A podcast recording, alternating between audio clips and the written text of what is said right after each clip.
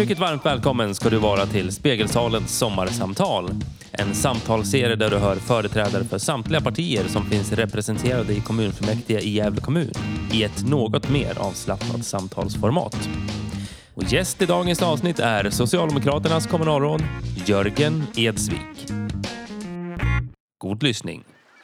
Då hälsar jag eh, Jörgen Edsvik, kommunalråd för Socialdemokraterna i Gävle. Välkommen till Spegelsalen. Tack så mycket. Du är ju kommunalråd tillsammans med Åsa Wiklund Lång va? Mm, det stämmer. Sedan vilket? 2014 va? Eh, ja, eh, det årsskiftet där, då tog vi över eh, som ledarskap för Socialdemokraterna i Gävle kommun. Mm. Men efter Karina Blank var det va? Och vad hette han andra? Mats Ågren var det ju, eh, fast med Karina var det ju Per Johansson. Per Johansson. Ja just det, per, ja men nu, nu, ja då vet jag vem det är. Just det, han, ja Karina var ju lite mer så här, som jag minns, lite mer utåt. Och henne såg man mycket och hörde mycket. Ja. Hur, hur var det att liksom kliva in i den rollen som kommunalråd? Ja, oerhört stimulerande. Eh, vi, både jag och Åsa är ju, så att säga, skulle ju representera någonting nytt. Då. Eh, Karina var ju en, en stark politiker och en förebild för oss. Och vi skulle representera ett nytt ledarskap i den situationen med nya förutsättningar för Gävle. Eh, och eh, en helt ny anda också i arbetarkommunen, alltså Socialdemokratiska partiet. Eh, som hade en föryngringsprocess. Och vi skulle stå för ett nytt ledarskap helt enkelt. Så väldigt spännande att ta över efter en, en erfaren, stark politiker och ville få representera någonting nytt. Om, eh, om man söker efter dig på internet, som jag har erfarit idag, då, så är det svårt att hitta detaljerad information så att säga. Om du skulle berätta lite om dig själv då, vem är Jörgen Edsvik? Det kan jag göra. Ehm, eh, jag är 44. Eh, har bott i Gävle sedan eh, 1999. När jag flyttade hit och fick ett jobb på eh, det som då hette landstinget i Gävleborg. Jag har en dotter som är 11 som heter Edith och eh, bor för närvarande i en hyresrätt inne i stan och ska i sommar bli en lycklig husägare i Valbo. Eh, kommer från Ljusdal, en av Hälsingekommunerna där jag växte upp. Egentligen är jag född i Stockholm men eh, jag växte upp i Ljusdal. Och eh, bodde där i mina ungdomsår där politiken också började vakna. Sen när jag blev 20 tror jag, eller 21, ja 20, så flyttade jag till Östersund för att plugga statsvetenskap och nationalekonomi. Då. Och då började jag också bli väldigt intresserad av miljöfrågorna och klimatfrågorna under den tiden. Efter studenttiden så valde jag att flytta till Gävle då, för att söka lyckan och karriären och kärleken och allt det där Mm. som man söker. Så du är alltså född i Stockholm men uppväxt i Ljusdal? Då? Det stämmer. Ja. Eh, när Elin Lundgren var här så pratade jag frågade henne, hon är också från Hälsingland, Mm. eh, att hälsingar är ofta väldigt stolta och väldigt rakryggade. Sådär. Mm. Vad, vad, vad är det som gör att personer som är från Hälsingland är så här väldigt, väldigt stolta över sin identitet? Så. Ja, om det stämmer. Men eh, man är ju ofta i Hälsingland, tycker jag, mer van att klara sig själv. Eh, man har inte fått... Eh, man har alltid varit liksom lite utanför de stora stråken. Man har inte så nära till Stockholm, Göteborg eller Malmö. Man är ganska van att ska jag få någonting gjort så måste jag lösa det själv. Och eh, små orter innebär ju också att man har ganska lätt för sociala kontakter. Man, har, man känner sin omgivning, man vet ungefär vad man har. Sen finns det också en känsla i, i stora delar av Hälsingland som jag tror fortfarande finns kvar. Det som man kallar för ATG, alltså att allting går till Gävle. Där man har en bild av att, så att säga, Gävle är den, den del som växer, vilket stämmer. Eh, och att, eh, ja, så att, säga, att man kommer efter i sin utveckling. Eh, och den är jag inte riktigt säker på att den stämmer för att man bör hålla fast vid det här, kan, kan lösa saker själv. För att man har enorma möjligheter också som Gävle inte har i Hälsingland.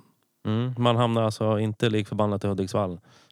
Nej, Man hamnar i Gävle för allting går till Gävle. Det är ett begrepp jag aldrig hört. ATG, det. Men det, det är också ganska häftigt för att när man växer upp i Ljusdal så eh, är ju Gävle den närmaste storstan. Man kan åka till Sundsvall till exempel eller till någon av de mindre städerna som Hudiksvall. Men i Gävle där är liksom eh, minnena från de första besöken på Max till exempel. Eller den första studentkostymen man köpte. Eller kanske den första gången man gick på en riktigt stor biograf. Eller liknande saker. Så många av de första erfarenheterna av stadsliv, om man kallar det för det, då, det kommer just från Gävle.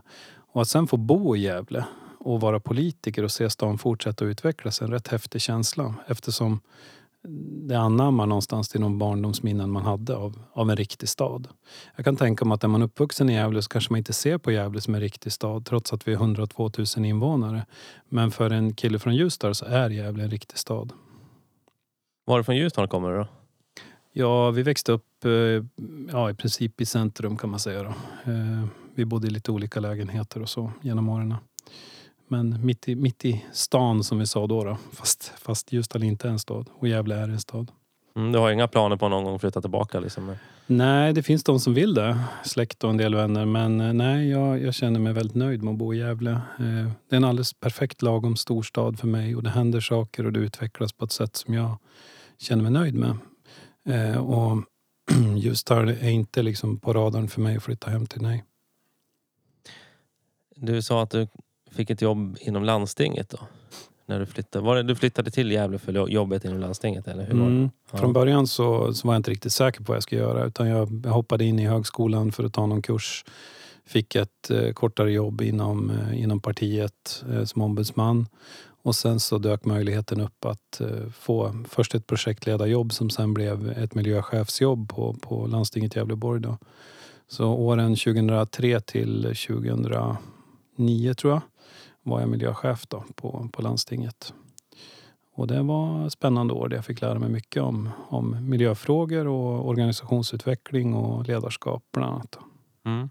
Vad, vad, jobbar man Alltså om man är miljöchef, det låter ganska övergripande. Mm. Vad, hur ser en arbetsdag ut då?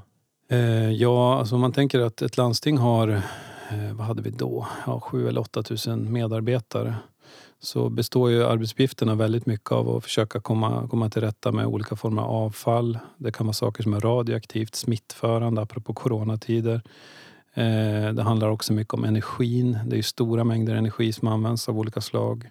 Det handlar om transporter, enorma mängder transporter av, av saker som ska till olika ställen. Till exempel. Då. Och även kemikalier. Vad kan vi använda som inte liksom är riktigt... Alltså går att byta ut de riktigt farliga grejerna mot mindre farliga grejer. Och funkar det med, med sjukvårdens alla hygienkrav och så. så. Den typen av frågor.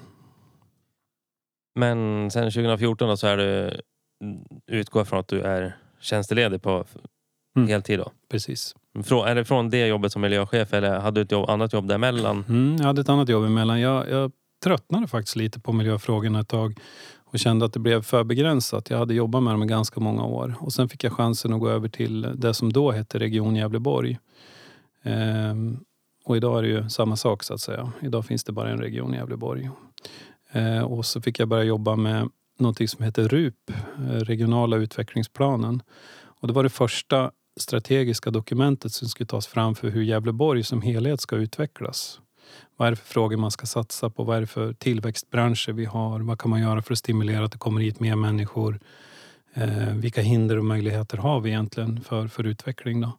Så beställningen från politiken i regionen var att du ska ta fram en sån plan då, för Gävleborg. Och det tyckte jag var ett sånt fantastiskt spännande uppdrag så att eh, jag, jag bytte jobb och jobbade med de frågorna, eller den typen av frågor under några år innan politiken växte sig så stor så att jag blev tvungen att, att välja egentligen att jag kan inte ha båda utan jag måste välja ett spår. Då. Och då blev jag tjänstledig från dem, den typen av arbetsuppgifter på regionen. Mm. Eh, du sa att ni diskuterade fram och tillbaka vilka hinder och möjligheter som finns i länet. Vad, eh, vad kom ni fram till? Vad finns det för hinder i, i Gävleborg sånt där som man måste övervinna så att säga, och göra bättre? Och... Mm.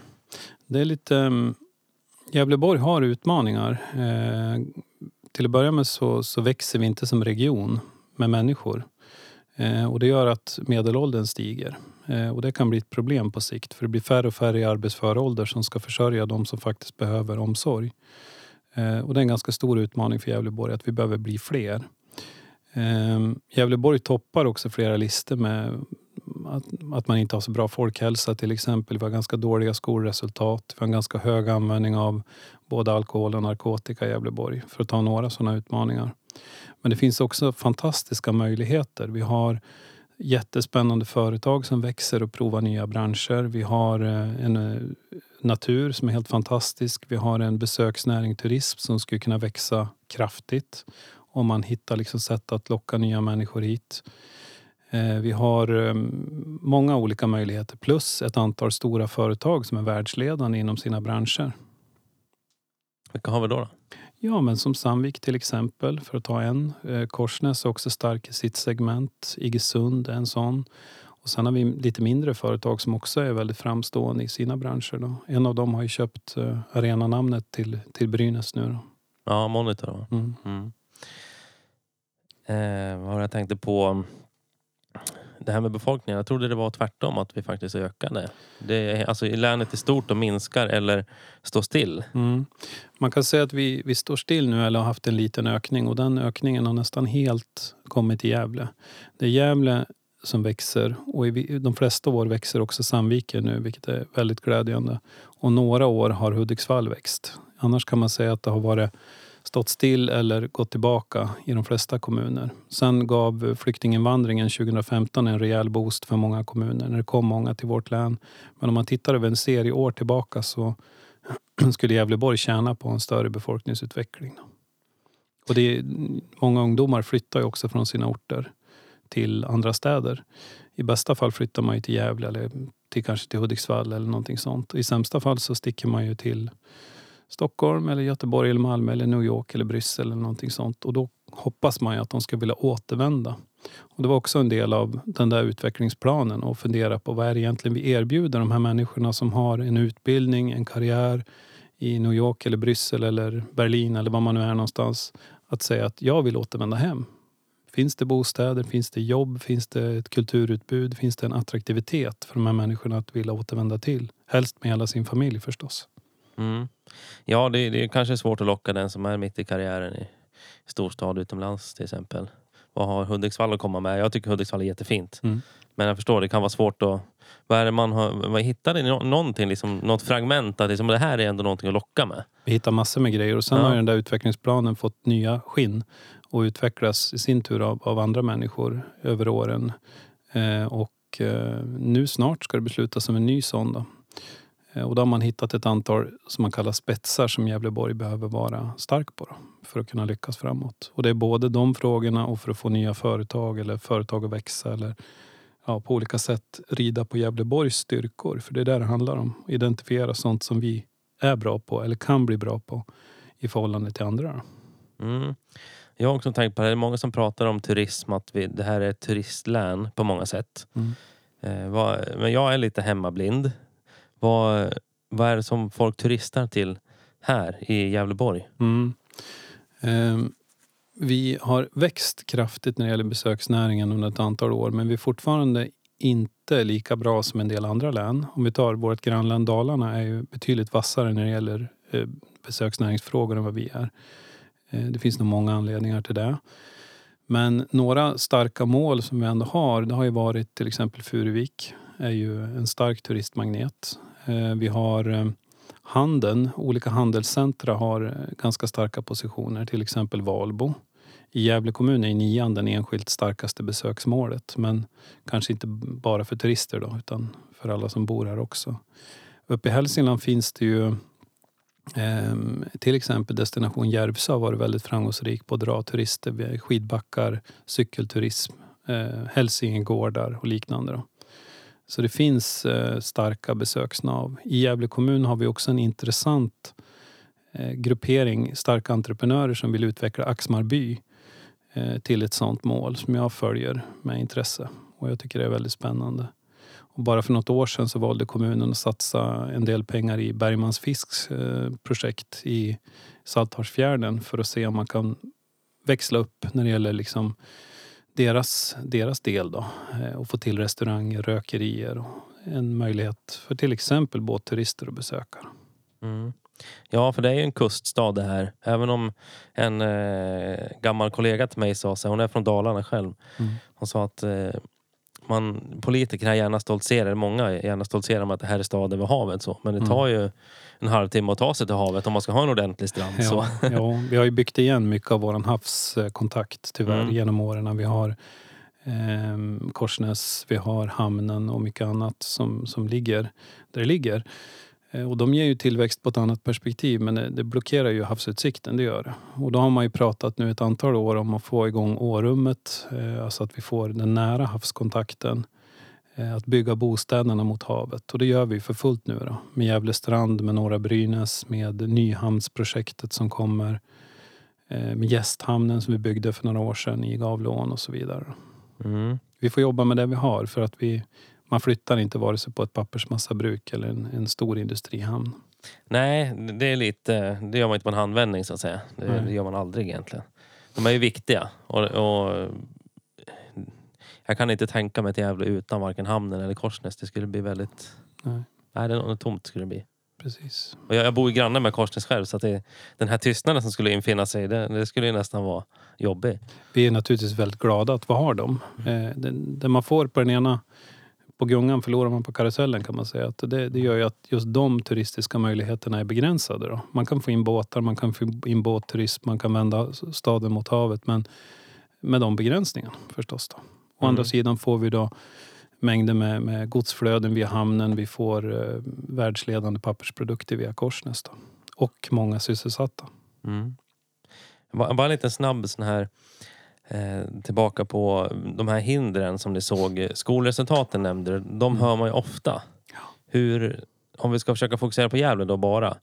För här är ju också resultaten ganska låga. Va? Eh, hur tänker du att man ska vända trenden? Att det ska bli bättre, mycket bättre resultat? Mm, det är en jättebra fråga och det är en fråga vi jobbar med precis nu. Ehm, och det är ingen superlätt fråga. Jag ska säga att jag är ingen skolpolitiker. Jag kan inte skolans alla, alla vinklar och vrår. Ehm, jag jobbar med andra frågor. Ehm, men det handlar ju någonstans om att resultaten i varje klassrum måste bli bättre. Man måste alltså på ett eller annat sätt ge lärarna och eleverna bättre förutsättningar. Och vi har gjort mängder med insatser för det. Vi har slagit upp skolor, vi har byggt Wallbackskolan för en mer likvärdig skola. Vi har gjort eh, fysiska satsningar på, på många skolor som var slitna. Inte alla, det finns en hel del kvar. Men många är ändå rustade. Vi har gjort en stor eh, digitaliseringssatsning, det som kallas för 1 i 1. Alltså att varje elev ska ha en, i högstadiet eh, och gymnasiet ska ha en, en, en teknisk mojäng. Eh, Det har gjorts satsningar på lärargruppen för att förstå hur den tekniken ska kunna användas. Eh, och så vidare. Dessutom har vi försökt bespara skolan så långt det är möjligt från besparingar de senaste åren för att se om pengarna i sig kan göra eh, en uppväxling på resultaten. Än så länge så, än så, länge så har vi inte nått de mål vi vill med det. Eh, Och det gör att man måste titta ett varv till då. Om vi gör någonting fel eller om vi ska göra någonting annat eller om vi ska göra mer av någonting. En sak som jag är väldigt nöjd med i skolan ska jag säga. Det är att Gävles siffror för mobbing ligger rejält under rikssnittet. Jag tror vi ligger ungefär 3% under, alltså 3 procentenheter under. Och det är mycket. Alltså vi, är inte, vi är inte hälften på mobbingen mot för rikssnittet, men nästan. Och det kommer från en modell som är införd för några år sedan som heter Gävlemodellen. Som innebär att man har ett väldigt strukturerat arbetssätt mot mobbing. Från, från, ja, från hela vägen. Från elev hela vägen upp över lärare och till rektor. Med målsmän. Och det är ju en jättebra förutsättning för att man ska kunna lyckas. Mm. Ge lärare och elever bättre förutsättningar säger du också. Hur ska, vilka är de förutsättningarna som ska bli bättre? Ja, Eller, som, eller har de blivit bättre? ja, de har nog blivit bättre men, men inte tillräckligt bra om man säger utifrån resultaten. Egentligen är det, är det lärare och rektorer som måste svara på frågan vilka förutsättningar man behöver för att nå de där resultaten. Eh, vad är det vi behöver ändra på? Vad är det vi behöver göra mer av? Vad är det vi behöver göra mindre av för att eh, nå våra mål? Då? Och den processen är vi inne i just nu. Mm. Om vi går vidare till nästa då, tänker jag så här. När du inte håller på med politik, vilket jag tänker det kanske du gör väldigt, väldigt, väldigt mycket. Ja, Eh, det brukar bli så att det gärna blir en livsstil. ja, Ja. Finns, finns de som tycker det. Ja. eh, tänka så här, om du får någon minut över, har du någon hobby, någon, något Ja. intresse, någonting du gör annars? Ja, vi är ju bara människor vi också. Eh, och eh, träning är en stor hobby för mig. Eh, jag försöker, om jag orkar och har tid, så, så försöker jag göra fyra till fem pass i veckan då, med innebandy och gym. Jag försöker umgås med min dotter förstås, så mycket jag kan. Och det är ju väldigt, väldigt roligt att umgås med barn. De har så mycket roliga idéer och pyssel och knåp och knep och frågor och diskussioner de vill göra. Ehm, jag älskar film, alla slags. Jag går väldigt gärna på bio. Eh, men jag kan tänka mig att titta, konsumera film i alla dess former. Eh, jag läser mycket. Ehm, och får jag tag i en riktigt bra bok då har jag väldigt svårt att släppa den. Eh, då kan jag då kan jag i princip låsa in mig och läsa tills jag är klar. Har du någon bok du vill rekommendera så här nu på? Oh, det finns så många, så många bra. Eh, Vilken läser du nu? just nu håller jag på att läsa en fantasyserie faktiskt som, eh, som är skriven av Black Library. Eh, som heter Horace Heresy. Men vi får se, jag kommer säkert läsa något helt annat i sommar. Du läser på engelska? Eller? Ja. Mm. Jag läser nästan bara på engelska. Jag tycker det, av någon anledning så har det blivit så att jag känner mig mer be- bekväm med det. Jaha. Om det är min, min Mm. fantasi triggas lite av att jag måste liksom anstränga mig med språket. Så. Mm. Sen är det en bra träning att läsa saker på engelska överlag. Mm. Absolut är det det. Är det, är det mycket sånt, alltså fantasy som du säger, och lite annat litterärt? Eller läser, blir det lite annat? Ja, med jag läser facklitteratur också? Jag läser ganska så lätt litteratur. Jag, läser Mm. det, jag har läst det mesta av de, de kända deckarna, thrillerserna, eh, fantasy, science fiction. Eh, lättsam litteratur. En hel del komediskrivningar också. Och en och annan, eh, en och annan eh, så att säga, personporträtt av olika slag. Men när jag, vi läser kopiösa mängder handlingar på jobbet och jag är inte så särskilt sugen på att sätta mig och läsa en politisk pamflett när jag kommer hem eller någon historiebeskrivning av USAs tio kändaste politiker. Det intresserar mig inte så mycket. För det tycker jag att jag får nog av på jobbet. Men jag, jag har läst en del om, om eh, o, o, olika former av personer som har förändrat världen. Eh, det kan jag tycka är intressant. Vad som har drivit dem och hur de har lyckats. Så. Mm. Vilka har du läst om då? då? Ja, Malala förstås. Eh, jag har läst om eh, olika former av personligheter inom amerikanska inbördeskriget och hur de eh, ja, vad de gjorde alltså för att väcka, väcka sin, sin eh, förändringsvilja mot en ganska så överlägsen krigsmakt som man hade emot sig. Ehm, jag har läst om ehm, Stalin. Det är inte det bästa föredömet precis, men ja, lite olika personligheter som intresserar mig av någon anledning. Mm. Är det så om man kommer hem till dig så har du en enorm bokhylla fylld med Nej. böcker som du har Nej, läst? absolut inte. Jag, inte jag, så. jag tycker inte alls om bokhyllor. Det blir, när jag har läst en bok så, så läser jag den väldigt sällan igen. Och jag vill inte ha onödiga prylar som tar upp damm i mitt hem. Jag, jag lever ganska rent och mina böcker hamnar väldigt ofta i lådor på vinden och så hoppas jag att min dotter någon gång ska upptäcka dem där. Vi får se. Ja, precis. Men annars, många kanske har det lite som ett CV. Titta här, jag har läst Nej, 3000 böcker. Jag hade Dostojevskijs samlade verk framme ett antal år och upptäckte att jag, jag läser dem inte själv och jag undrar varför jag hade, hade dem framme så jag tog bort dem. Ja. Och det, eh, film tycker du också om. Jag tänker så att du som läser mycket böcker, har du tittat på filmer som har baserats på böcker du har läst också? Ja, I den ordningen, men du har läst boken, titta filmen. Ja, jag läser väldigt gärna boken först. För Mm. att nio gånger av tio så är filmen sämre än boken. Ja, jag tänkte precis fråga dig. Det där brukar vara en sån där vattendelare. Liksom Mm. att eh, de som läser böckerna säger att böckerna är mycket bättre än filmerna. Ja, det ska Var, säga. är det så i alla fall? Eller är det liksom... Nej, inte i alla fall. Men en, en av mina all time favorites i bokväg är Liftarens guide till galaxen. Den tror jag jag läst Mm. tre gånger. Eh, och det är en fantastisk bok som man kan läsa flera gånger för den är, så, den är så skruvad på så himla många sätt. Men filmen är ju, ja, den kunde de ha slängt i skräphögen för länge sedan. Den är fruktansvärt dålig och den fångar inte upp någonting av bokens charm. Det är ett exempel. Stephen King är ett annat exempel. Jag har väldigt många bra skräcklitteraturdelar i hans värld men filmerna är ofta ganska undermåliga.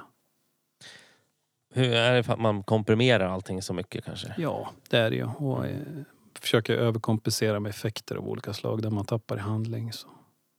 Mm. Ja, det är svårt att få in specialeffekter i bokform, Mm. tänker jag. Hjärnan är bättre på att skapa specialeffekter än vad filmmakarna är ska jag säga. Mm, ja, visst.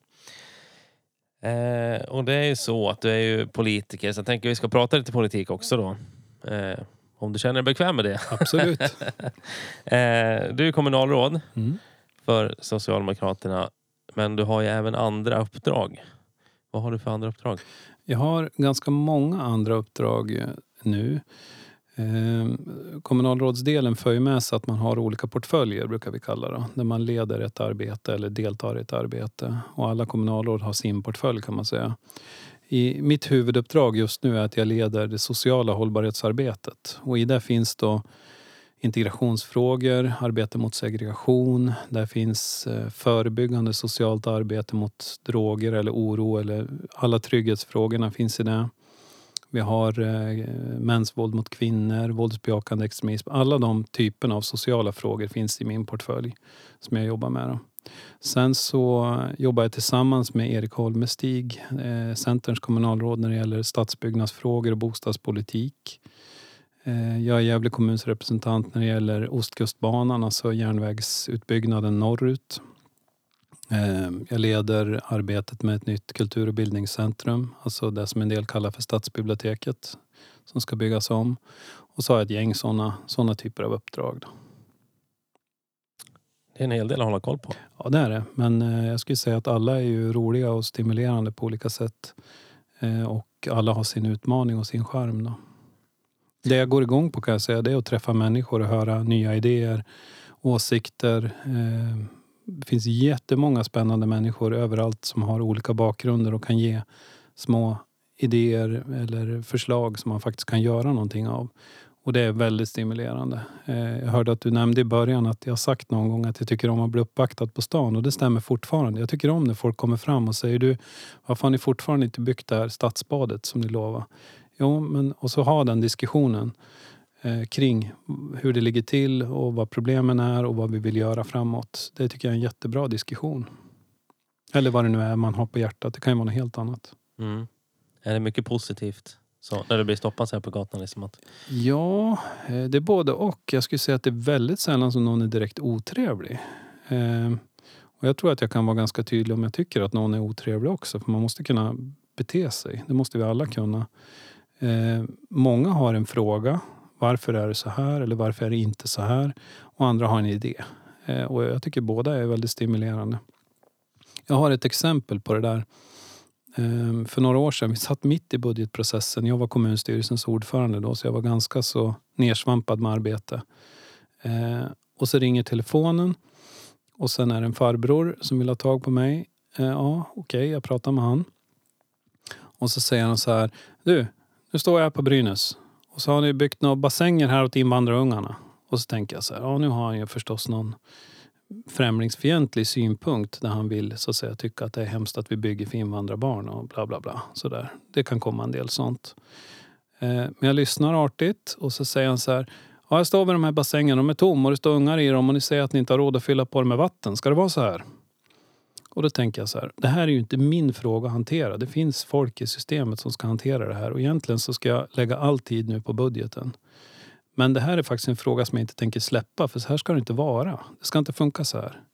Och han har ju helt rätt förstås. Det är klart att vi inte ska bygga bassänger som vi inte har råd att fylla med vatten. Så två dagar senare så fanns det vatten i de där bassängerna. Eh, jag fick göra lite handpåläggning där då. Men det är ett exempel på att det faktiskt kan spela roll om en privatperson engagerar sig och faktiskt uppvaktar sin politiker och framför sin åsikt och har en tydlig, ett, ett problem som faktiskt måste lösas. Vi hinner inte lösa allt eller på en gång. Men man hinner ta i det, man hinner få in det i ett sammanhang. Man hinner kolla vad är egentligen problemet. Och ibland kanske vi måste skruva på någon skruv eller någon kran eller någon ratt för att det faktiskt ska lösa sig vilka bassänger var han pratade om då? Jag tänker det finns väl bara den där i Jag tror de var i, i Stennebergsparken. Ja, Mm. tänker det finns väl inte så många andra. Eller Nej, hade men- det byggts upp något tillfälle kanske? Nej, men det var väl de. Ja. Mm. De- som stannar och vill, eh, eller kanske ringer också då. Vad skulle du uppskatta för åldersgrupp? Är det blandat eller är det liksom Mm, som man ja. tänker ofta äldre? Det, det är lite blandat, men jag skulle säga att om du går på stan och, och har en politisk diskussion med någon som kommer fram så är det oftast en person som är över, över medelålder. Ehm, det är det. Men det kan ringa folk med väldigt olika bakgrund och åldrar. Mm. Vad är den knepigaste frågan du har fått? då, Som har liksom varit Den- så här... Ja, den absolut knepigaste frågan och den har ju blivit ännu tydligare nu i de tider vi lever. Det är ju av typen liksom min gamla mamma har det inte bra. Eh, på det boende hon lever eller i, i sin hemmiljö av någon anledning. Hon är sjuk, hon har inte fått den hjälp som hon behöver. Eh, vad tänker ni göra åt det här? Och det är ju väldigt svåra frågor. Eh, eller en person som ringde och sa att eh, jag har en lång bakgrund av olika typer av problem. Eh, jag har inga tänder kvar i munnen. Eh, socialtjänsten säger si och så. I det här fallet sa man då kanske att du får bara det här. Och det finns ju en ganska stor historia bakom, ofta. Eh, som kan vara ibland lite annorlunda än vad personen beskriver den. Eller så har personen helt rätt. Och det är ju alltid ett människoöde också med i bilden. Och där måste du ju gå till botten med den frågan och titta på vad är det egentligen som är sant och vad är det som är mindre sant i den här historien. Då. Ibland har vi gjort fel, ibland har vi inte gjort fel. Mm. Det här kultur och bildningscentrumet som du pratar Mm. om, stadsbiblioteket som många säger. Det är ju en fråga som många tycker mycket Mm, om så mm. att säga. Inte att de nödvändigtvis tycker om den men att de tycker mycket om det Mm. så att säga. Eh, jag satt själv i kultur och fritidsnämnden när det började diskuteras. Eh, och jag var en av de som tyckte att idén med att ha det mellan stadshuset och förvaltningshuset vore det bästa. Mm. Eh, vad tycker du? Ska det vara på samma plats som nu eller? Det ska vara på samma plats som nu. Jag vill inte bygga en bokförvaringslåda mellan eh, förvaltningshuset och stadshuset. Utan jag vill ha ett... Jag, jag vill ha precis det som de flesta Gävlebor har uttryckt nu. Vi har fått in över 550 förslag på vad ett modernt stadsbibliotek, om man säger så, eller ett kultur och bildningscentra kan innehålla. Eh, och det kräver de ytorna som, som nuvarande plats har. Och nuvarande plats är perfekt i förhållande till ån, i förhållande till eh, Slottstorget och eh, som länk mellan norr och söder i Gävle. Det nya kultur och bildningscentret kommer till viss del att bli ett stadsbibliotek men det ska bli så mycket mer än det. Så vi har försökt fånga upp så mycket som möjligt av de här över 500 åsikterna. Vad man faktiskt behöver om det ska bli en aktiv mötesplats. Vad ska det vara för typ av barn och ungdomsavdelning? Eller ska det vara en barn och en ungdomsavdelning som det nu verkar kunna bli? Eh, hur ska det funka med, med mat och dryck? Eh, en idé som var, var framfördes av många det är att man borde ha en lyxig vinbar på taket. Det tror jag inte det kommer att bli. Eh, men det var en intressant idé. Ehm, och vad bör man göra med till exempel digital teknik? Bör det finnas särskilda VR-rum och liknande där man kan eh, koppla det till utbildning eller till stadens historia? Kan man koppla ihop det med kulturrum eh, eller med, med konstcentrum och konsthallar? och därmed få ett flöde av människor som kanske normalt sett aldrig någonsin skulle tänka sig att gå och se en konstutställning. Att faktiskt slinka in på en sån. Och många av de där idéerna tittar vi nu på att verkställa. Då. En annan sån idé som, som faktiskt många haft synpunkter på det är var Gävle kommuns turistbyrå ska ligga. Det är en, en väldigt vanlig fråga när man går på stan. Eh, och som det ser ut just nu då, så blir den perfekta platsen just i det nya kultur och bildningscentret som kommer att ha mycket, mycket bättre öppentider också än vad den gamla turistbyrån hade. Känns logiskt att det ska ligga där också. Jag. Ja, jag tycker det. Och att man kan ganska lätt få, få till det med personal och så vidare. Sen ska man komma ihåg att det nuvarande stadsbiblioteket är byggt 1960 någonting. Fyra kanske. Och är väldigt, väldigt slitet. Ehm, det läcker in från taken, ventilationen är urdålig. Personalen har klagat i många år på, på dålig arbetsmiljö. Och mycket av huset är byggt som encelliga kontor eh, som används av kommunen. Vilket gör att större delen av huset har, ingen, eh, ingen, har allmänheten ingen tillträde till alls. Och det där vill vi ändra på helt. Då. Så att i princip ska hela huset vara offentligt utom de närmiljöplatser man behöver för bibliotekspersonalen. Mm. Vad, kan, eh, vad skulle det kunna innehålla då? Det här, eh, som, så att jag tänker kärnverksamheten borde ändå vara bibliotek någonstans. Bibliotek blir ju en huvudfråga men Ja. alla de andra grejerna jag nämnde ska också in. Mm. Eh, och jag tror att vi kommer kunna verkställa rätt många av dem. Då. Ja, för jag minns att man sa också så här att ett problem med kajen. Mm. Eh, det, eh, vad jag minns då så var ju problemet att bygga högre än vad det är nu. Eh, det blir för tungt va? Ja, Eller hur, hur, har det ändrats det där? så här, kajerna är ju i dåligt skick, det Ja. vet vi ju. En del av kajen rasade för ett gäng år sedan nedanför slottet. Och en del av kajen eh, var på väg att rasa nu innan man stängde av eh, på norra sidan. Eh, och vi har ju avsatt eh, 10 miljoner för några år sedan eh, för att successivt rusta en bit av kajen i taget. Då. Nu kommer vi använda de pengarna och förmodligen en liten slant till till att rusta den delen som går från eh, från där, där stadsbiblioteket står bort mot polishuset. Då. Och den kajen är också så pass dåligt skick så att exempelvis stadsbussarna kan inte köra på den sidan idag. Och tyngre trafik har också problem om man kör på den sidan. Man kan få sättningar och ras helt enkelt. Eh, och därför behöver det göras i alla fall. Så då passar vi på att göra det nu när, när vi gör det här projektet. Då. Mm. Tycker jag helt rätt. Eh, har du någon hjärtefråga inom politiken? Oh, det var en bra fråga och svår. Jag har så många. Eh, ja, jag har jobbat väldigt mycket med stadsutvecklingsfrågor. Eh, så jag måste säga att de ändå ligger väldigt långt fram i alla fall bland hjärtefrågorna. Eh, att få till mer bostäder och bygga stan på ett sånt sätt så att den håller ihop. Att den inte blir segregerad och att vi delar in människor i vi och dem. Det är väl kanske en av mina absoluta hjärtefrågor. Och det är ingen superlätt uppgift alls. Eh, och den kräver mycket tanke och den kräver många aktörer som vill vara med och satsa på olika sätt för att det här ska bli bra. Dels bostäderna och vad som finns runt omkring och, och att hitta mötespunkter för människor. Det ska jag säga är en absolut hjärtefråga. Och där går ju mina två delar i portföljen också ihop. Det här med social hållbarhet och stadsutvecklingsfrågor går ihop precis där. Eh, I vad är det för typ av stad vi bygger och för vilka och hur ska alla komma till tals eller komma till sin rätt i det där. Sen har jag jobbat väldigt länge med miljöfrågor så då måste jag också säga att det är en, en hjärtefråga jag har eh, med mig i hur vi bygger ett hållbart samhälle. För klimatutmaningen kommer att bli vår riktigt stora ödesfråga framåt. Eh, mer bostäder säger du. Om, är det för, jag tänker också att eh, du är med på spåret att förtäta. Ja, Mm. absolut. Är det, är det liksom det eh, gemene man vill? Alltså när, om man gör en undersökning hur folk vill bo. Är det Mm. i lägenhet i täta områden inne i stan? Eller hur ser det ut? Ja, det varierar ju förstås. Eh, Jag skulle säga så här att förtätning har väldigt många starka sidor så länge man inte gör det på ett sätt så att alla parker och så vidare försvinner.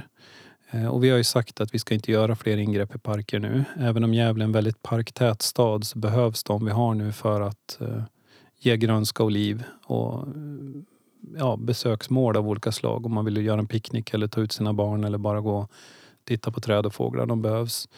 Eh, med den reservationen så behöver vi en förtätning. Eh, vi har mängder med parkeringsytor som är dåligt använda. Vi har lucktomter i stan som går att använda på ett bättre sätt. I flera delar av stan skulle vi kunna bygga tätare och högre. Eh, det innebär att man får mer av folkliv. Om man tittar på de, de städer som man ofta känner är livfulla som Uppsala eller kanske Västerås eller Stockholms, åtminstone de inre delarna av Stockholm eller Göteborg så är det ganska täta städer allihopa. Och Gävle är en väldigt gles stad. Vi har väldigt få människor som bor inne i det som kallas för stadskärnan. Och det innebär, förutom att det är begränsningar i folkliv, så betyder det att eh, handel och kultur och andra delar får svårare med sin överlevnad. Eh, så vi behöver så att säga bli en tätare stad för att få den mer attraktiv. Sen beror det på vad man bygger, för vem man bygger och vart man bygger förstås. Allt är inte tillåtet var som helst och hur som helst. Och vi är riksintresse för stadsmiljö vilket innebär att ska vi göra någonting som är högre än fem våningar så får vi också gå en match med myndigheterna varje gång. Eh, där vi måste kunna visa på varför vi vill göra ett undantag. Då. Men eh, vi har fått fram några hus nu, till exempel de på Merengatan eh, som är eh, uppåt 15 våningar och det är ju helt nytt i Gävle. Fullriggan var ju den första i sitt slag som byggdes så hög. Sen har det börjat komma lite fler och nu pratas det om så sent som igår i media om en förtätning på lucktomten vid eh, det som jag tror Gävleborna kallar för IT-huset, alltså bredvid nian. Som ägs av företaget Castellum. Det är en parkering idag. Och den typ, Ja, just det. Vid Mm. Trafikverket. Precis. Ja. Mm. Eh, och den typen av förtätningar tror jag är väldigt, väldigt viktiga för vår stad. Fler butikslokaler, mer folk, gärna bostäder. Bostadsbristen är tydlig i Gävle. Och det, det löser man genom att bygga eh, tätare då? Ja, inte bara. Vi behöver också göra, vi kommer att behöva ett ganska, jag tror vi kommer att behöva göra nya grepp kring våra så kallade miljonprogramsområden. Hur de ska utvecklas i framtiden. Vart går de att förtäta? För de har också väldigt väl tilltagna parkeringsvolymer. Vilket var det sätt man byggde på 60 70-talet men som idag kan upplevas både otrygga och ineffektiva. Eh, där kommer vi behöva göra ett jobb. En del människor vill ju absolut bara ha en villa. Eh, och det betyder att man måste också tillgodogöra mark för, för villabebyggelse eller radhusbebyggelse. Eh, och vi behöver olika typer av bostadsformer. Det jag tror det enda sättet att, att liksom attrahera folk till en stad är att ha en eh, mångfald i, i utbudet. Det måste finnas någonting för de flesta. Bostadsrätt för den som behöver det, hyresrätt för den som behöver det. Ägarlägenheter kanske, det nya greppet som inte har blivit någon succé alls i Sverige. Tror jag man kan komma längre med. Vad är ägarlägenhet? Du äger din hyresrätt kan man säga. Med lite speciella villkor runt bank och så vidare. Du har en insats och du, du får sälja den och så vidare. Men det är fortfarande en hyresrätt. Med den. Lå, låter knepigt. Ja, det finns 20 eller 30 i Gävle. Det var en jättestor reform som alliansregeringen genomförde under Reinfeldt-tiden. Som man trodde mycket på, som aldrig flög. Alltså lite som hyrköp ungefär? Ja, kan man säga. Jaha. Den flög aldrig och bankerna är väldigt tveksam fortfarande till den här lösningen. Men Mm. jag tror att den kan ha en potential som... Vem är, alltså jag äger min egen lägenhet då? Yes. Fast jag hyr den av mig själv eller vem är vem Nej. hyr av? Man kan säga att det är som ett embryo till en bostadsrättsförening. Då. Det finns gemensamhetslösningar. Det är en hyresrätt. Du har en insats, men den är väldigt låg. Det kanske är på 100 000 eller 200 000. Och den går att sälja. Så det det är ett mellanting i, i skedet då, kan man säga. Mm. Vid sidan av det så behöver vi olika former av speciallägenheter. Studentbostäder har vi lyckats få fram rätt många de senaste åren, vilket var oerhört viktigt. För det var ett stort problem när jag började. Eh, jag skulle säga att det tydligaste problemet vi har nu med speciallägenheter är att vi behöver fler trygghetsbostäder. Eh, för den målgrupp som är över 70, fortfarande alldeles för frisk för att bo på ett eh, särskilt boende eller ha omfattande behov av hemtjänst kan, kan komma till trygghetsboende och bo bra med många andra med en gemensamhetstanke i kanske, vad vet jag, 10 år, 15 år. Eh, Och vi har alldeles för få sådana platser idag. Mm. Så olika boendelösningar för olika grupper av människor. Mm. Det absolut svåraste är ju som överallt, alltid, att bygga tillräckligt billigt för att alla ska ha råd att bo. Det är Mm. den största, största utmaningen. Ja, precis. Det är det. Jag tänker så här. Eh, Om vi går tillbaka då till 60-70-talet som du nämnde, miljonprogramsområdena. Då var man ju ganska eh, bred i sina visioner och man Mm. byggde nya stadsdelar Yes. egentligen. Eh, finns det några sådana visioner idag? Att Ja. mm, bygg, vi bygger en helt ny stadsdel. Ja, Fast inte som en ABC-stad utan Nej. med det facit i hand, det funkar inte. Eh, vad, hur ser tankarna ut där?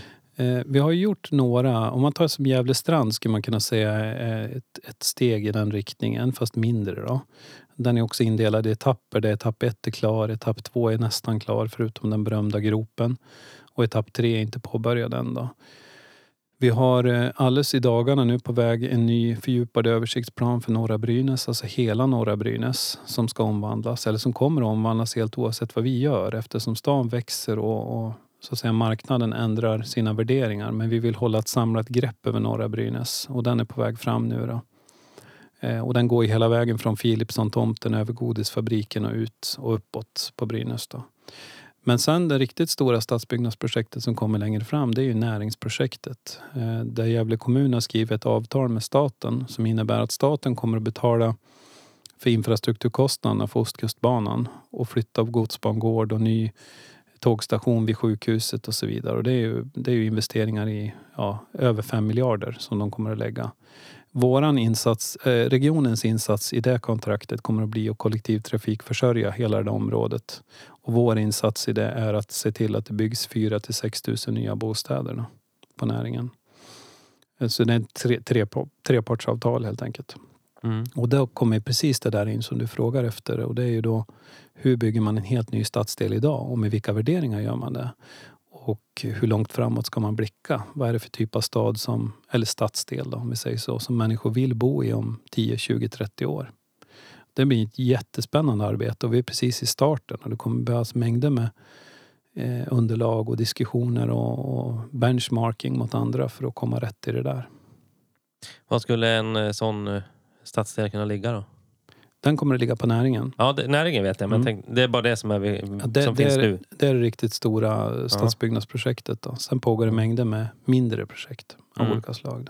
Mm, precis. Du, eh, en fråga som jag hade tänkt ställa innan, som jag hoppade över här. Du är ju socialdemokrat. Mm. Har du alltid varit det? Har det alltid varit självklart? Eh, ja, det tror jag. Eh, eh, jag har inga, ingen politisk eh, familj. Eh, så. Alltså inga som har varit aktiva politiker. Jag tror han mormor som har haft något ersättaruppdrag någonstans men vi har aldrig någonsin pratat politik. Eh, däremot så har jag en pappa som är väldigt eh, diskussionsbenägen kan man säga. Så från det att jag var sex eller sju år så började vi debattera vid köksbordet om olika saker. Och vi har pratat om allt mellan himmel och jord. Utrikespolitik och inrikespolitik och rättvisefrågor. Alltså jag var ganska ung när vi började, började kasta oss in i olika former av diskussioner. Jag vet inte om jag hade så, så mycket att tillföra då men successivt så, så växte det mer och mer. När jag var 14 och min kompis 13 så bestämde vi oss för att eh, bilda en SSU-förening i Ljusdal. Den första som hade funnits på ett par decennier. Då. Och för hans del tror jag det var helt politiskt drivet. För min del så var det nog mest att jag tyckte att vi behövde en fritidsgård till. Alltså vi behövde ett häng för ungdomar. Eh, så vi hade lite olika ingångar i det där. Men det blev också ett ganska så bra häng för ungdomar. Vi, var, vi, var, vi, vi växte väldigt snabbt från 2 till 200 ungdomar. Eh, Och det handlar ju väldigt mycket om att vi hade mycket verksamhet. Vi hade filmkvällar, vi hade pizzabagning, vi hade studiecirklar i både politik och allt möjligt runt omkring. Och där någonstans så började också det politiska engagemanget vakna mer och mer. Vilket ledde till att jag sen vart invald i kommunfullmäktige i Ljusdal och mitt första nämndsuppdrag. Då. Men från, från början för mig så handlar det väldigt mycket om att ha saker att göra. Mm. Däremot så har jag alltid haft mycket åsikter.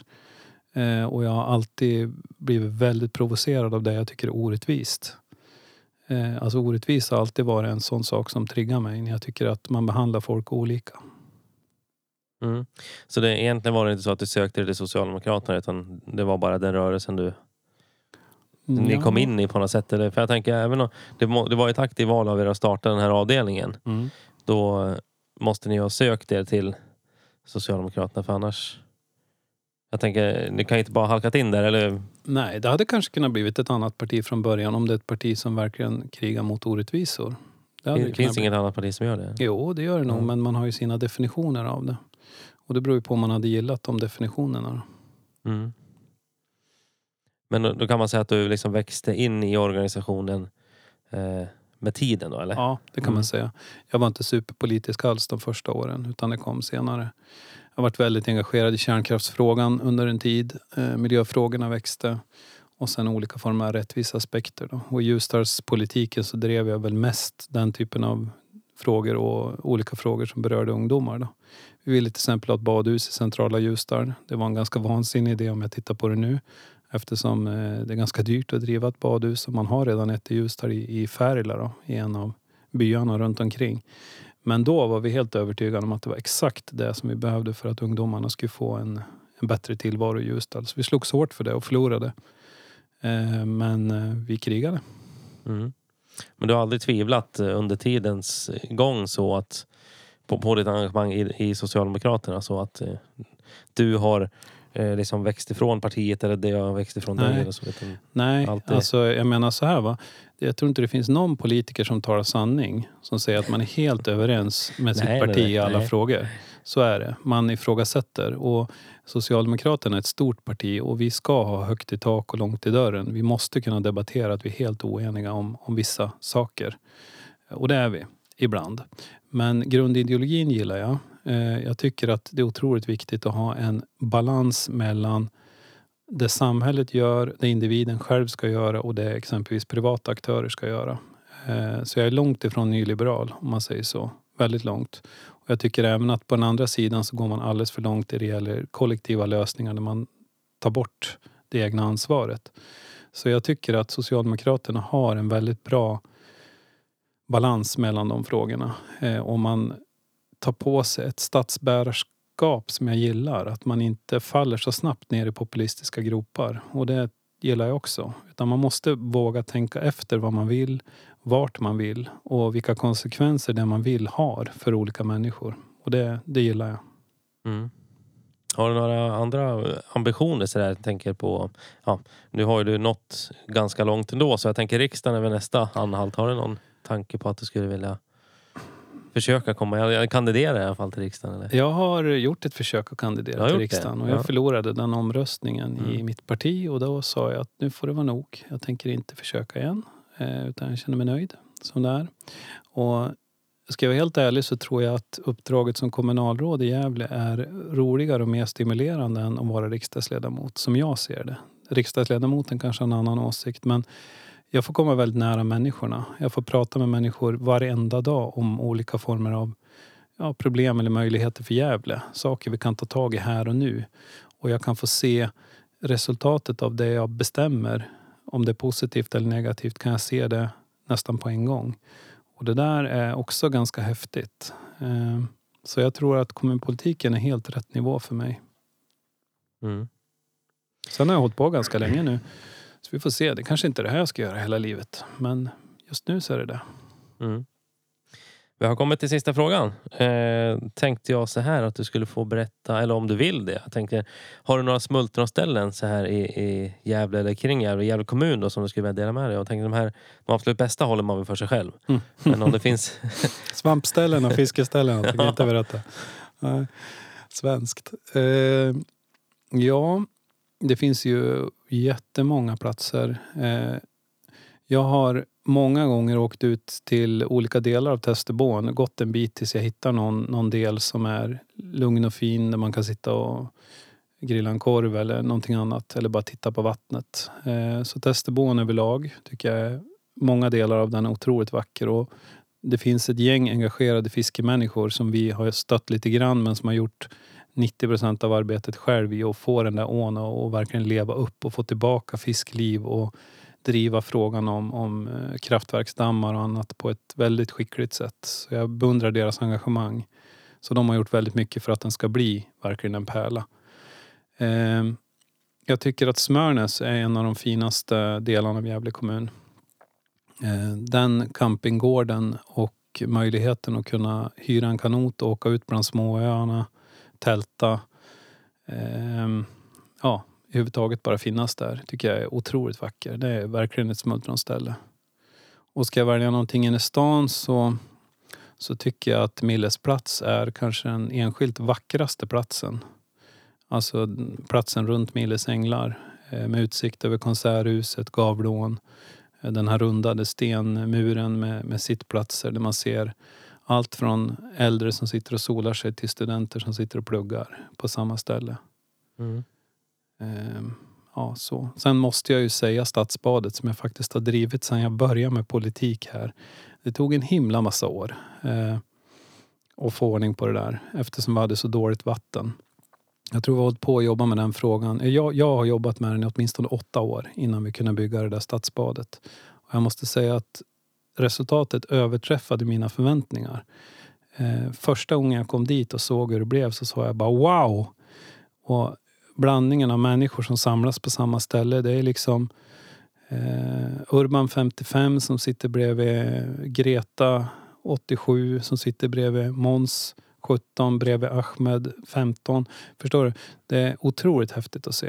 Eh, och att folk använder utegymmet, man använder beachvolleyplanerna, man badar, man grillar, man bara ligger och solar. Eh, jag måste säga att det ändå är väldigt tillfredsställande att den har uppstått. Och nu är det bara sista etappen kvar som vi måste genomföra.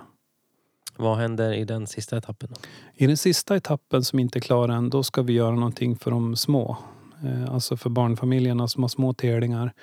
Det är fortfarande lite strömt i vattnet och det som behövs är att man så att säga hittar ett sätt att gräva ur och kunna anlägga en sandstrand med lite lugnare vatten så att man kan ja, släppa sina barn lite friare där. Nu är det ju ändå fokus på lite äldre barn och vuxna. Och den, den länken saknas. Och det är någonting jag verkligen vill genomföra. Mm. Jörgen Edsvik, kommunalråd för Socialdemokraterna i Gävle kommun. Tack för att du kom. Tack så mycket. Tack för att du har lyssnat på det här avsnittet av Spegelsalen. Om du gillar innehållet får du gärna dela det i dina sociala mediekanaler och med dina vänner och med andra som kan tänkas vilja höra. Spegelsalen produceras av mig, Fredrik Olsson och spelas in i Studio Bankvalvet i Gävle. Tack för att du har lyssnat och tack för ditt stöd. På återhörande.